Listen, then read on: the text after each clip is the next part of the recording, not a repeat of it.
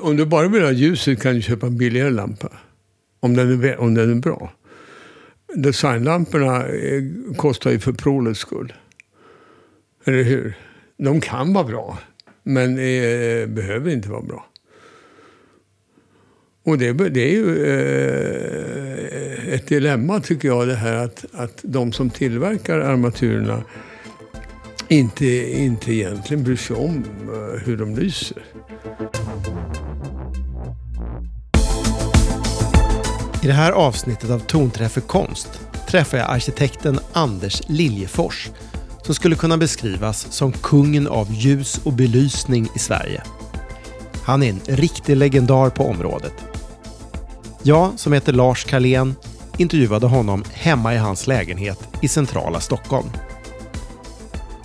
I de två avsnitt som kommer efter det här får du träffa en av Anders Liljefors elever, nämligen ljuskonstnären Svante Pettersson. Så det här blir tre avsnitt som hänger samman. Men nu beger vi oss hem till Anders Liljefors och hör hur det gick till när hans intresse för ljus började.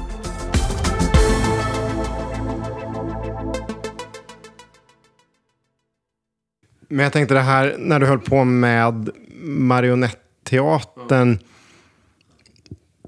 Hur, hur, men hur växte det fram det här med, med att du höll på med, med, med, lampor och så? Kom du bara på att det skulle vara kul? Eller hur, ja, vad, vad, var det som hände? Det, det, jag började ju som jag sa med ficklampor. Men det, det, det räckte ju inte. Så när jag gjorde större, större...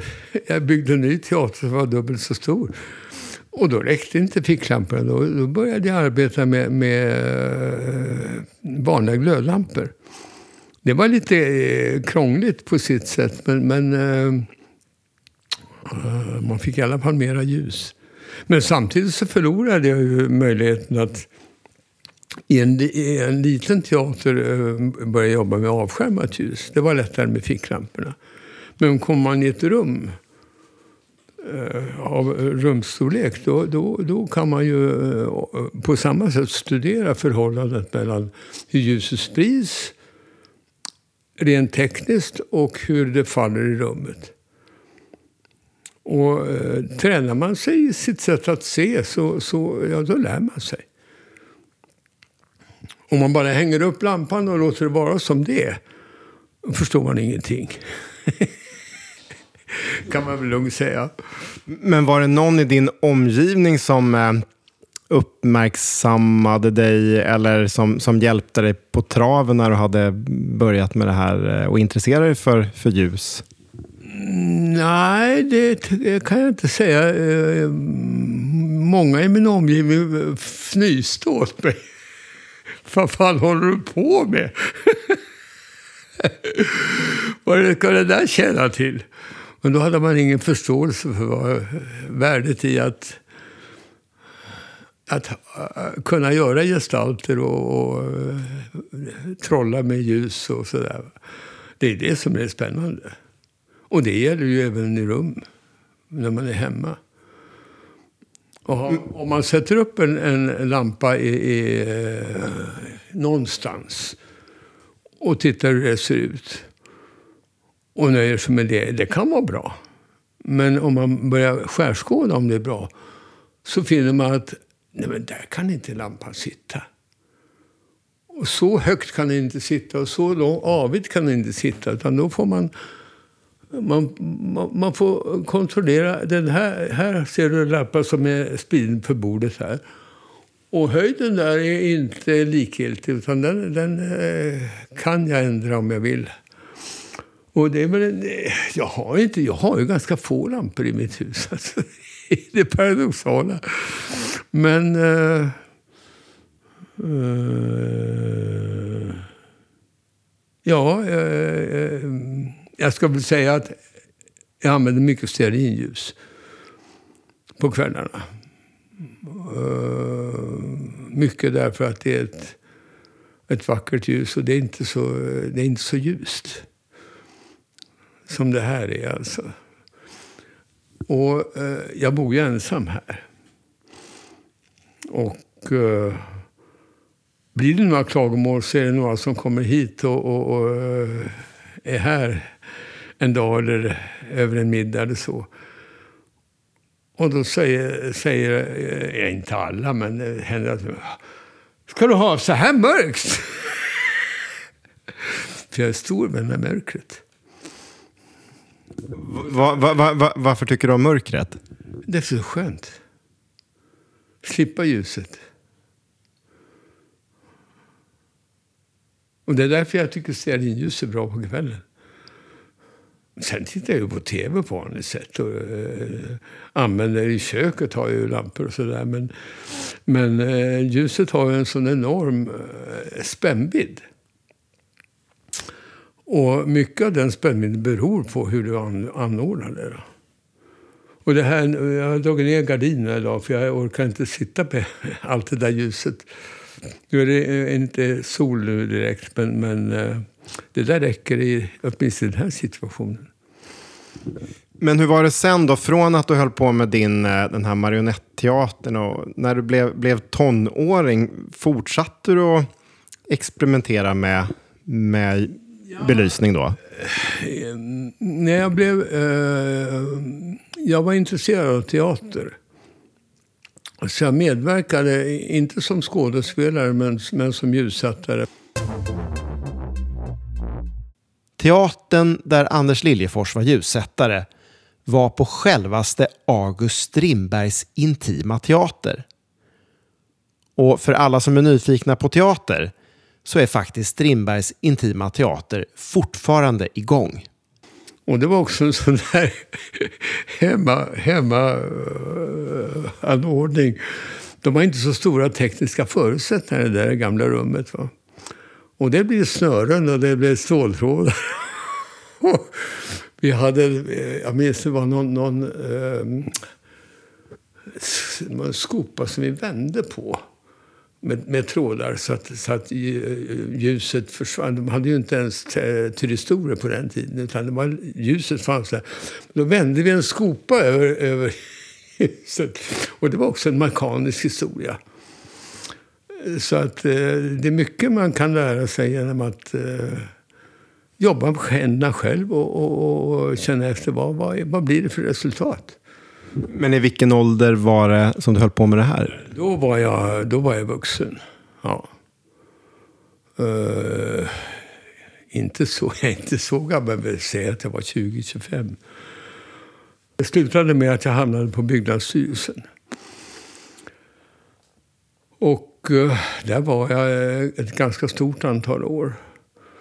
Och eh, i den vevan började man med de här eh, färg, färgövningarna där, där, som man inte höll på med så mycket då. När, eh, alltså hur färg blandades och hur färg eh, kunde skapa olika miljöer. Och eh,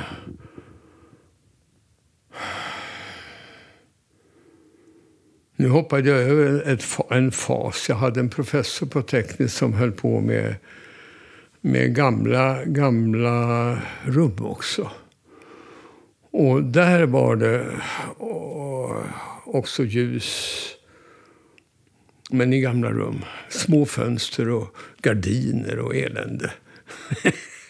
som är väldigt bra när man använder dem på rätt sätt. Men, men även det väckte, mig, väckte mitt intresse just för hur man kan nyansera de här grejerna. Och sen uh, kom jag till Byggnadsstyrelsen och där var det inte så mycket med ljus att göra, men, men uh, alltså ljusupplevelsen att göra. Men däremot så, så gällde det att installera armaturer. Och eh, det var ju då... Eh, det självklara var då att man eh, satte rader av lysrör i taket bara. Och det är gudskelov är det nu en, en, en trend som är bort, eh, inte bortglömd, men en, man har lagt, lagt av den. Så nu, eh, nu eh, sen det här eh, eh, LED-ljuset kom med de små lamporna så fanns ju inte eh, förutsättningar att göra så här rader. Utan då, då har man ju levande placering efter behov. Då. Och... Eh, ja, det, det, det, gav mig också erfarenheten av eh, hur, hur man eh, kunde tjäna ström på att eh, arbeta med ljus på ett eh, placerbart sätt. De andra, då öste man ju ut vatten över taket bara. Men, men när man då började placera ljuset på... Då använde man mindre lampor och det gick eh, att spara mycket ström på det, på det sättet. Men det är nog den enda insats jag har gjort för att spara ström. Eh, men eh, den var viktig nog alltså. Det, det, det, det var en intressant erfarenhet. Din förståelse för ljus. Hur, om du skulle beskriva den när du har jobbat med det. Att du sa det här med färg till exempel. Att det var ingenting, om jag förstod det, som du hade funderat på så mycket först och sen kom du in i det. När du hade fått reda på det, att ja men oj, det fanns något som heter färg och det, det påverkar det hela också. Hur, hur, hur drog du nytta av det då? Så, så, uh, så novis var jag inte, därför att redan, redan på, när jag var barn så använde jag färgfilter framför stearinljusen. Så jag var eh, i alla fall uppmärksammade eh, att det fanns färg. Men jag arbetade inte med det speciellt mycket. Men, men eh, kunskapen att, att det faktiskt betyder någonting, den, den eh, fanns ju kvar. Finns fortfarande kvar. Hur, hur, kan man dra nytta av det då när man eh, jobbar med belysning? Jo, färgen, eh, ljusets färg är ju eh, mycket avgörande för hur, hur rummet upplevs. Du, du, vita lysrör känner du till och du känner varmvita lysrör. De eh, lyser lite olika, men, men om, i köttaffärerna använder man alltid vita lysrör. Men hemma, använder, om man använder lysrör hemma, det gör man ju ibland, så använder man varmvita lysrör. För att få ett varmare ljus helt enkelt. Sen är det ju eh, långt ifrån det varma ljus man får från glödlampor. Och det har ju att göra med spektrum. Alltså. Eh, glödlampans spektrum, det är kontinuerligt. Så att det, det ändras alltså från eh, 0 till 100 som en eh, rät linje. Men eh, lysrörets spektrum, det, det är det staplar som lägger eh, färgen på ljuset. Och det, det, kan aldrig bli så komplett som man får i ett, i ett eh, kom, eh, kontinuerligt spektrum. Och det är det du har i glödlampan alltså. Men om man tar belysning i, alltså inomhus, och nu tänker jag både i hem och även i teaterlokaler och, och sånt. Kan du komma på något, någon sån miljö där du tycker att ja, men här, det här är ju, ja, jag gillar belysningen i, i den här inomhusmiljön extra mycket? Hemma? Nej, överhuvudtaget. Nej, alltså, är, är, det, är det hemma? Jo, jo, det får du. Får. Okej, okay. kan, kan du berätta lite hur, varför då? Ja, därför att det är bra. Inga lampor i taket. Ja, det finns en i köket. Men om du vänder dig om så kan du se i köket sitter också en lampa på väggen. Och den är, den är, det är den jag använder. Den i taket använder jag bara om jag måste städa. Och den, eh, den i taket, den, den sitter från början. Men den här har jag lagt till själv.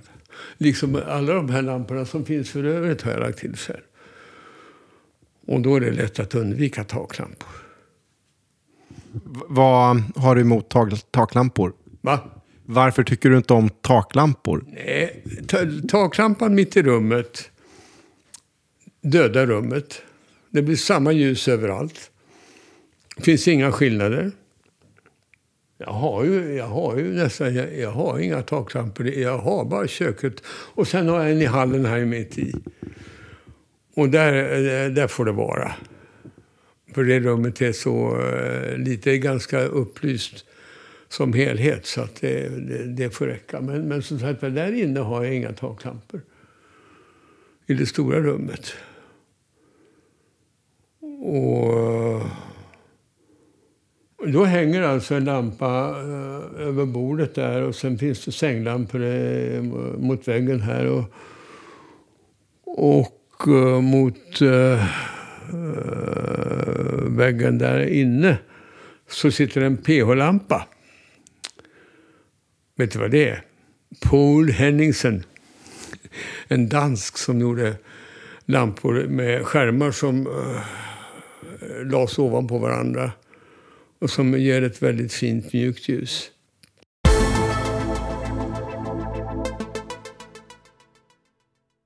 Och det här med att du började forska och så om, om ljus, hur, hur, hur blev det så?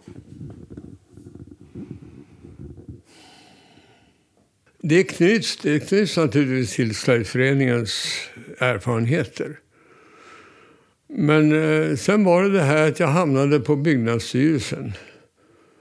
Inte för att jag var intresserad av ljus, utan eh, det var, jag, jag kommer inte ihåg varför jag hamnade där. Men, men eh, jag gjorde det i alla fall. Och det var ju en stor... Uh, de de eh, byggde ju massor av hus, Byggnadsstyrelsen. Som bygg, de var ju bygg, byggherres förvaltningsbolag. Va? Och och där knöt jag också till den här färgfrågan. Som, för det var frun till direktören på, på byggnadsstyrelsen var den som hade eh, färgen på sina vingar. Eh, så det finns det är som ett spindelnät egentligen som kopplar till de här erfarenheterna som jag har. Men hur, hur gjorde du när du forskade om ljus? Alltså rent, rent konkret. Det började på Slöjdföreningen. Då byggde vi eh, ganska små eh, Ja, det var små rum helt enkelt. Som var så små så att jag kunde hänga lampan i mitten och läsa av hur ljuset fördelades på väggarna. Och då ritade jag kurvor det, det, var inte nyhet på något sätt, utan det var så man gjorde på den. Nu, nu har man ju maskiner som gör det. Men, men eh, eh sådana som inte hade massor av pengar hade maskiner, då byggde de sig en låda. Eh, som inte nödvändigtvis behöver hänga i taket, den kan stå på golvet också. Ungefär en, en gånger en meter. Och på den avläser man hur ljuset fördelas. Om man har en tratt till exempel så blir det en ring runt om. Har man glaslampa eh, så brukar det tecknas. Är det en glob så blir det samma ljus runt hela. Är det skärmar på lampan så, så avtecknas de här ringarna så man kan läsa eh, hur ljuset skiner ut. Och det man mm, gjorde det här för det var för att mäta ljusutbytet. Alltså hur mycket ljus får man ut i rummet.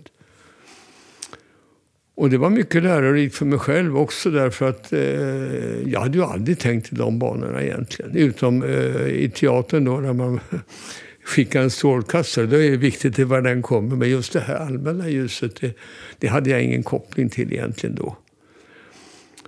Men eh, nu menar jag att det är väldigt, väldigt väsentligt att klara en variation även i rumsljuset. Varför är det så viktigt? För att rummet ska bli levande. Hänger du lampan mitt i taget så, blir, så ser det likadant ut runt, runt hela rummet. Och det, då, då blir ljuset dött, dött. Det saknar variation.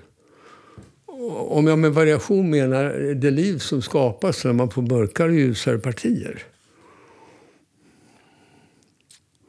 Men för att få till den här variationen. Eh, för jag menar, ja, en sak då som du sa, att man, hur man hänger lamporna och sådär. Men vad... Här hör till bordet här alltså. Då samlas ljuset här.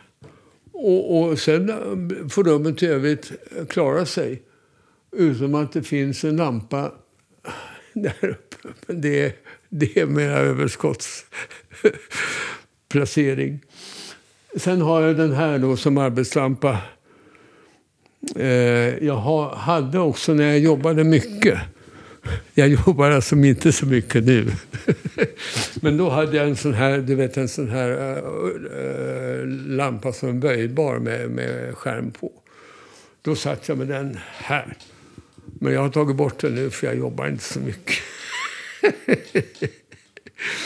Men jag har en lampa som står där i alla fall så jag kan sitta och skriva med datorn. Vilket jag gör eh, ganska ofta. Och vad, vad, är det för saker som spelar in mer för ljuset i, eh, i rum? Förutom armaturerna? Väggfärgerna, rummets form, möbleringen och uh, ja, sammanhanget mellan andra rum naturligtvis.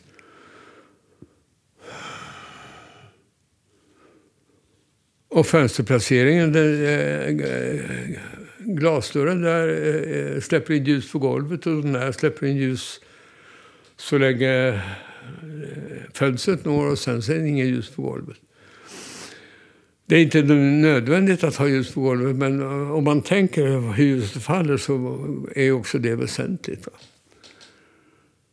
Men vad, ja. vad skulle du säga då? Vad har du för uppfattning om när, när du är ja, till exempel hemma hos människor eller du är ute och handlar eller du går på... Ja, du, du, när du är runt i olika eh, miljöer, tycker du att det är vanligt att man får till belysningen och ljuset bra?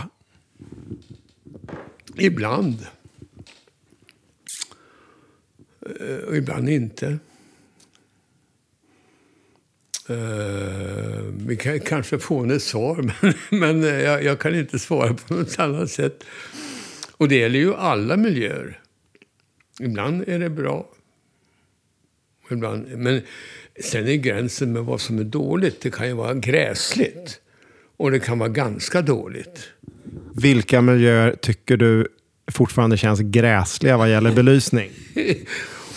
det är om du går in i...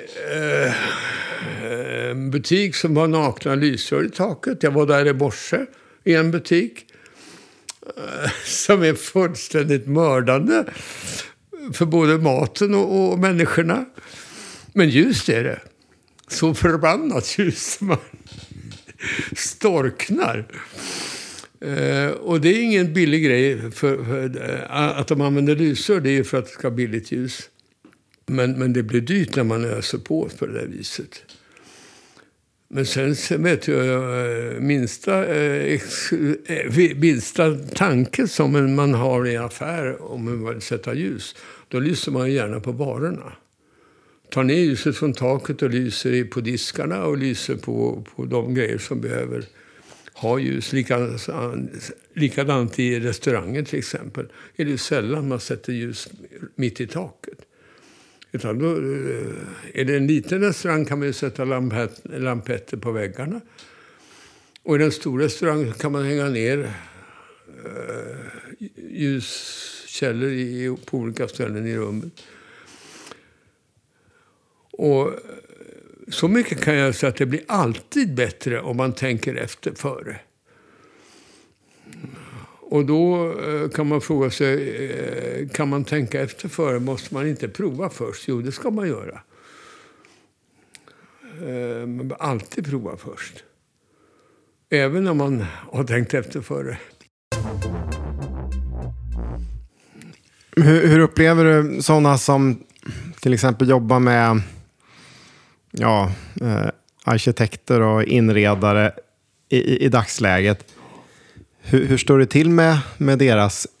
Um, de, de, de, är de bra på att få till det här med, med belysning och ljus? Jo, uh, de arkitekter som uh, är medvetna om vad de ser eh, då placerar de lamporna så att de får, får ljuset där man, där man vill ha det.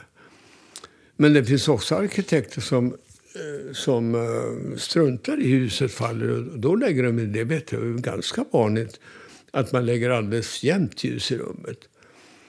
Och då blir det ljust, men det är förbannat tråkigt.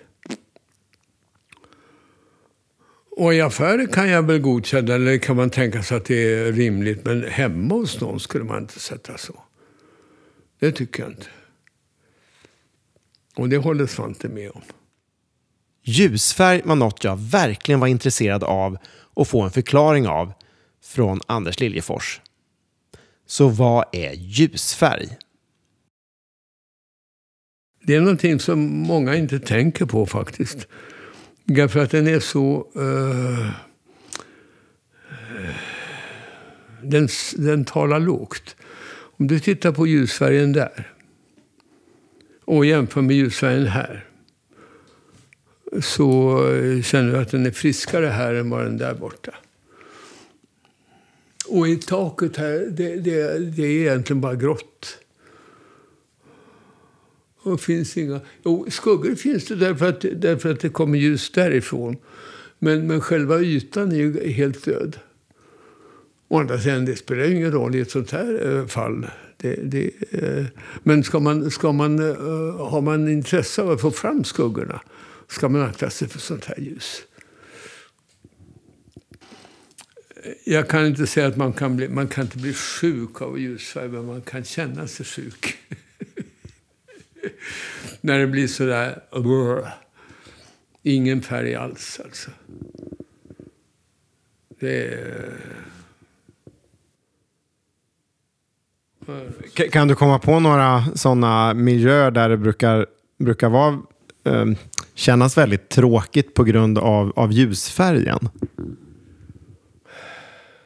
Kan det vara liksom så här sjukhusmiljöer eller sånt där? Jo, eh, det, alltså det, det, kan man nog säga att, att många av de här lysrörsbelysta miljöerna de, de har ju fortfarande eh, dålig kvalitet på strålningen. Det är billigare lysrör. Men nu finns det ju faktiskt lysrör som man till och med kan använda i konsthallar. Men då är de dyrare. Men ger å andra sidan ett, ett eh, uthärdligt ljus. Och det är inte lätt. Jag är obekant med nuvarande... Eh, de har ändrat beteckningarna här. Och jag, jag har inte lärt mig dem än. Men, men eh, var uppmärksam på att det finns, det finns en skala på lysrör och även på eh, LED-lampor. Jag är osäker på om det finns på LED-lampor, men det skulle kunna finnas om, man, om det är behov av det. Men lysrören, eh, i den mån man använder dem, som, då, då, finns det definitivt en, en beteckning på färgkvaliteten. Och som sagt var, de är oändligt mycket bättre idag än vad de var för tio år sedan. Och det är väl bra. Men det här om man ska fixa till hemma och, och, få det trevligare med hjälp av rätt belysning. Hur kan man, vad, vad, hur, hur, kan man tänka liksom som första steget eh, då? Ja, det första man ska tänka på är att man ska inte börja med att sätta en lampa mitt i taket. Och varför det? Det bör du kunna svara på nu. Ja, då blir det för enhetligt ljus. Precis, det blir alltså totalt skuggfritt. Och eh, vill man då eh, fundera över ljusfördelningen så ska man eh, titta på de platser som man vill ha belysta. Placera lamporna så att de inte blänker i arbetsmaterialet. Om du sätter en strålkastare, du kan se här, den där blänker, eh, det är ju, det är ju ingen fara. Men alltså om du bygger en diskbänk på, på det här viset så får du ont i ögonen. Det är därför de är matta också. Och det är alltså placeringen i förhållande till dig som avgör om det, om det blir bländning eller inte. Och det vill säga eh, lampans placering i förhållande till rummet och dig. Du är en del av rummet så att säga. Mm. Men det här för att få till bra, bra ljus, är det... Får man vad man betalar för? Eller så här, måste det vara väldigt liksom, dy dyra armaturer? Eller? Nej, inte alls. Klokt valda armaturer kan, kan vara väl, eh, väldigt enkla. Men skulle du säga, är det någon...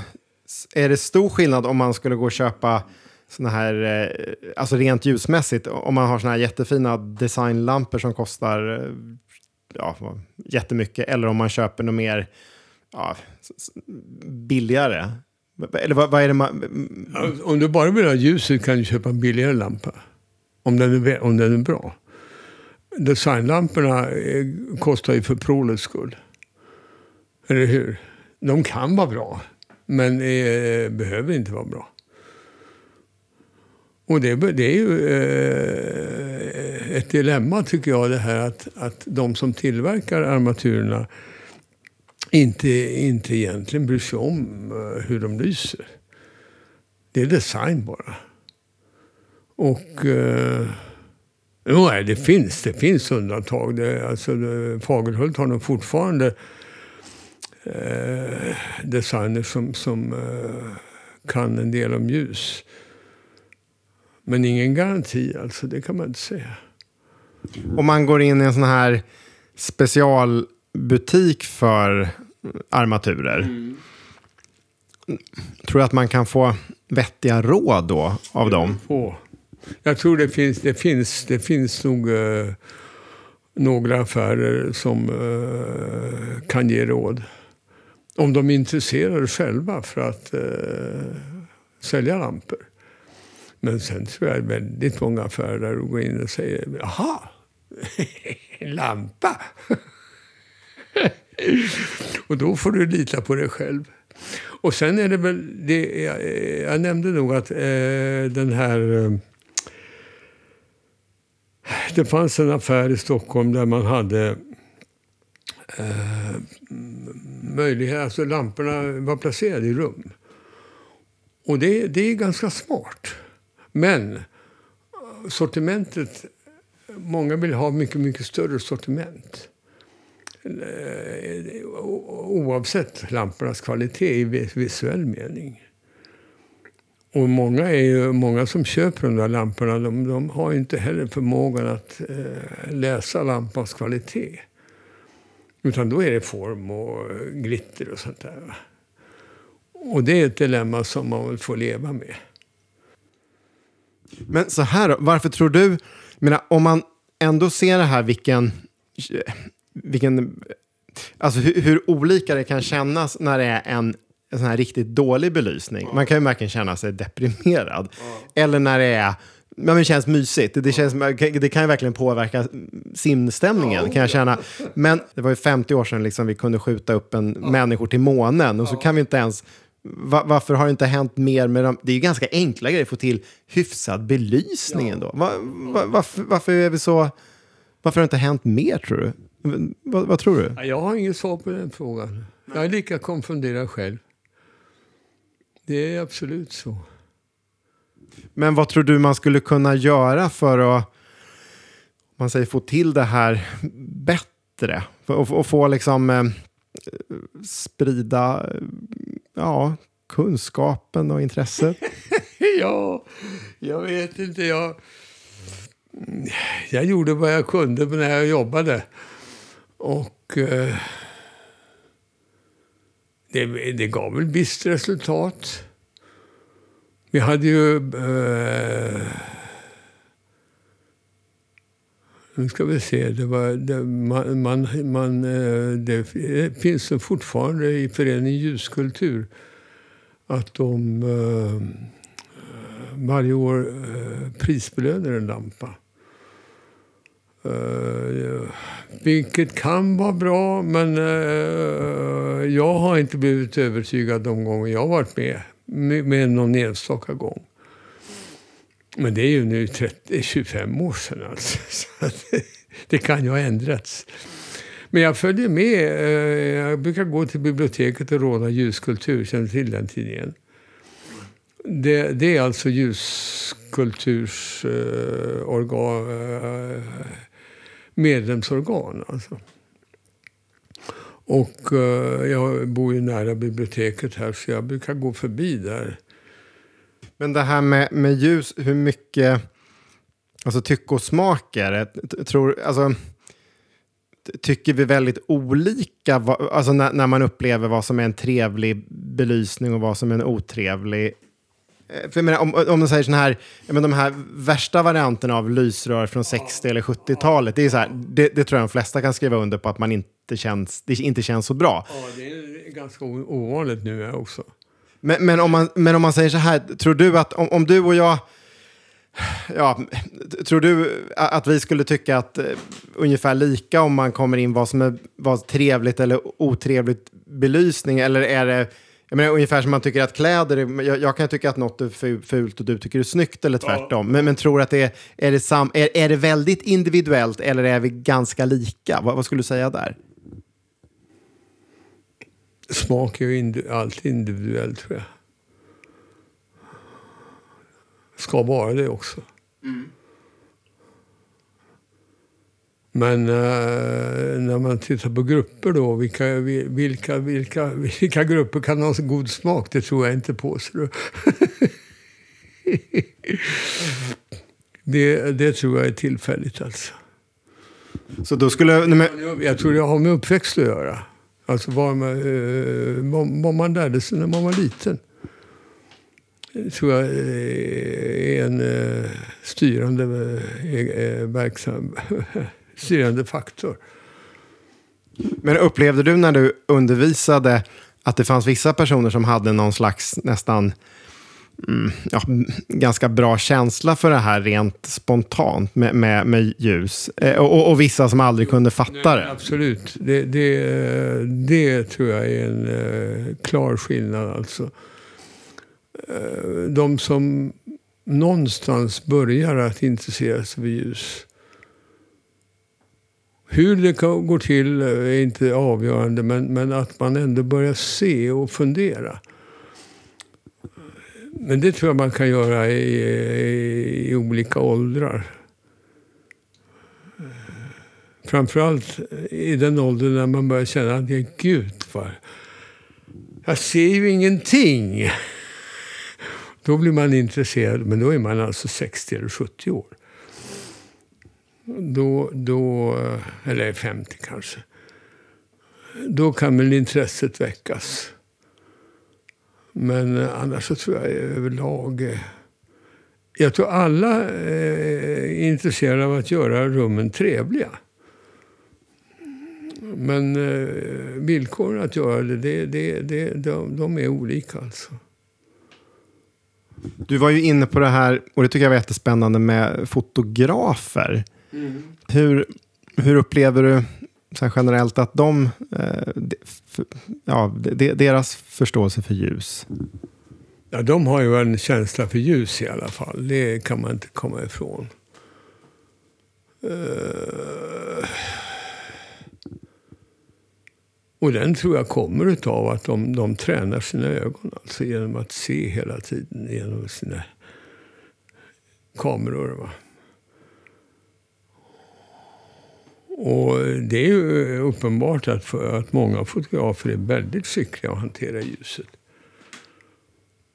Inte bara de som är eh, stora fotografer, kända fotografer, utan det tycker jag man ser väldigt mycket i, i eh, tidningar och ställen där bilder publiceras. Att de eh,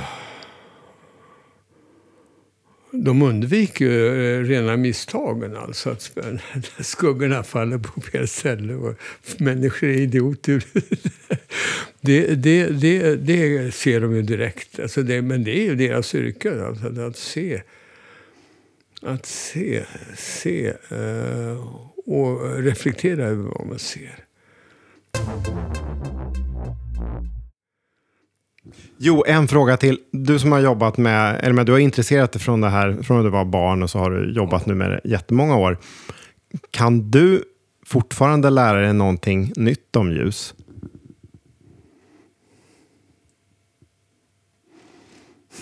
Jag vet inte. Jag vill inte säga nej.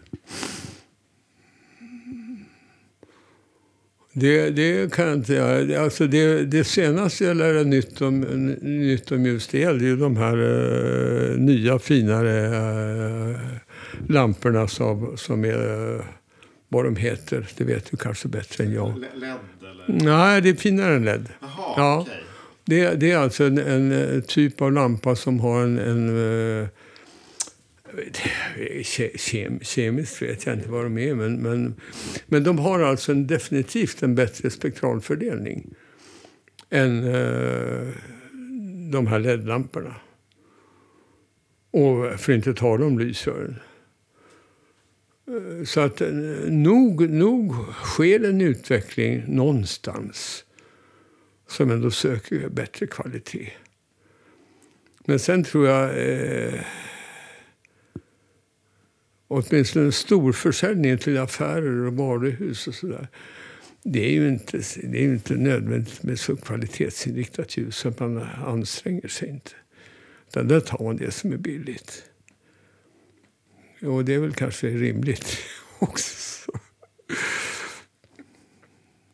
Men vad tror du vi skulle vinna på om det här med belysning kom att fungera betydligt bättre?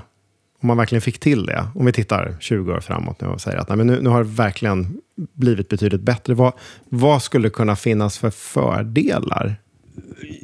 Att må bättre. Må bra-ljus. Det, det är ingen tvekan om att, att äh, människors äh, ja, känsloläge påverkas av ljuset. Och jag kan inte peka på någon särskild faktor som eh, är mer mera betydelsefull än andra. Men tillsammans så är alla betydelsefulla. Och eh, då är det nog så att eh, de som har råd kan köpa det bästa ljuset. Men frågan är om de kan välja det bästa ljuset. För det har inte med pengar att göra alltså. Bättre teknik tror jag fortfarande utvecklas. Men återigen, om den uh, utvecklas för teknikens skull eller för människans skull, det kan inte jag svara på. Jag skulle önska att det var på det senare. För människans skull.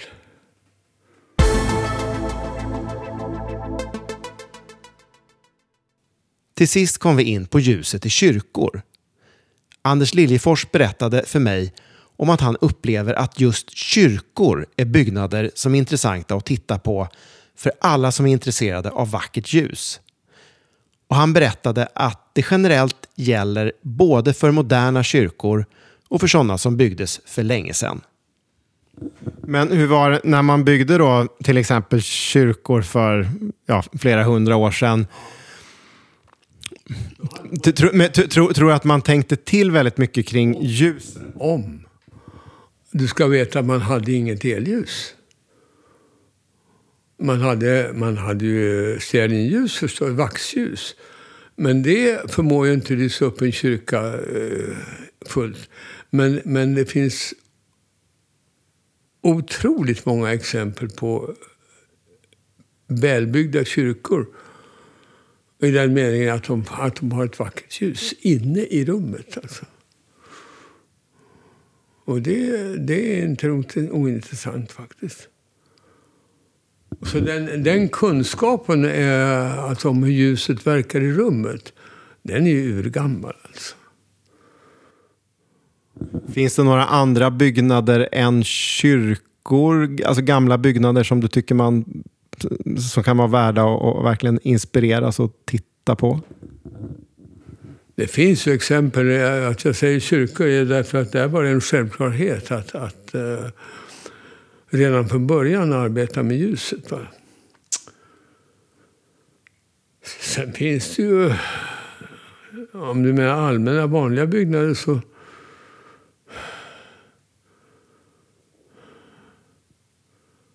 Jag har inga, inga bra exempel på, på rak arm här, men stadsbiblioteket till exempel, det, är väl i och för sig eh, det är inte särskilt märkvärdigt, för det var, det var så man byggde.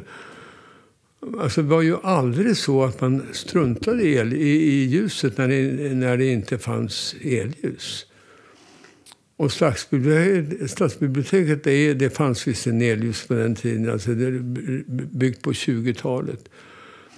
Men eh, om man går in där så kan man ju inte undgå, så att, undgå att, att eh, konstatera ett vackra rum tack vare ljuset. Så att eh, det är... det är också den självklarheten som man arbetar med, med dagsljus då, på den tiden när elljuset inte fanns.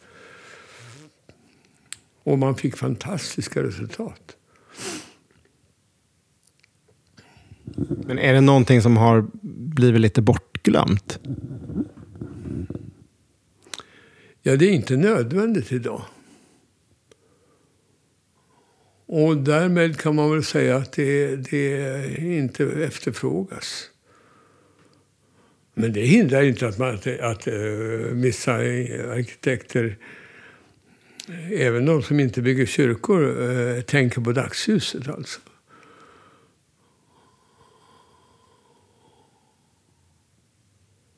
Och eh, i vissa fall så är det väl så att när, när, när de vill undvika eh, lysrörsmattor då är det dagsljuset som, som, är en kompletter, som uh, ger basen och sen så är elljuset komplettering. Och det är... Det är ju, eh, det är ju gammalt. Alltså det här med, vi, har, vi har en, Gustav Vasakyrkan här är nyrenoverad. Den är så vacker så att jag nästan... Jag är inte kyrkvän sådär direkt, men jag går gärna dit och hör musik.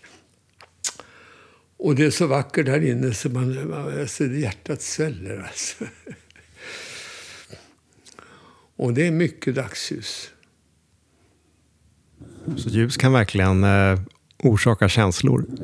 Ja, absolut. absolut. Det gör det ju även i målningar. Ljuset utan målningar, det, det, eller ljuset i målningarna, det är ju eh, avgörande. Så att eh, det är en bra, ett bra tema. Är det någon konstnär som du själv kommer på som du tycker har varit extremt skicklig med att, att jobba med ljus? Bakom dig, Edvard Munch till exempel. det är bara en reproduktion, men det är den enda bild jag har. Det är Lars Lerin, förstås. Den känner du till, va? Ja, visst. Ja, den tycker jag är fin också. Mm. Det är bara det är klippt ur tidningen. Mm. Men det är också en underbar bild. Mm. Så att... Eh, nej, konst är fin. Ja.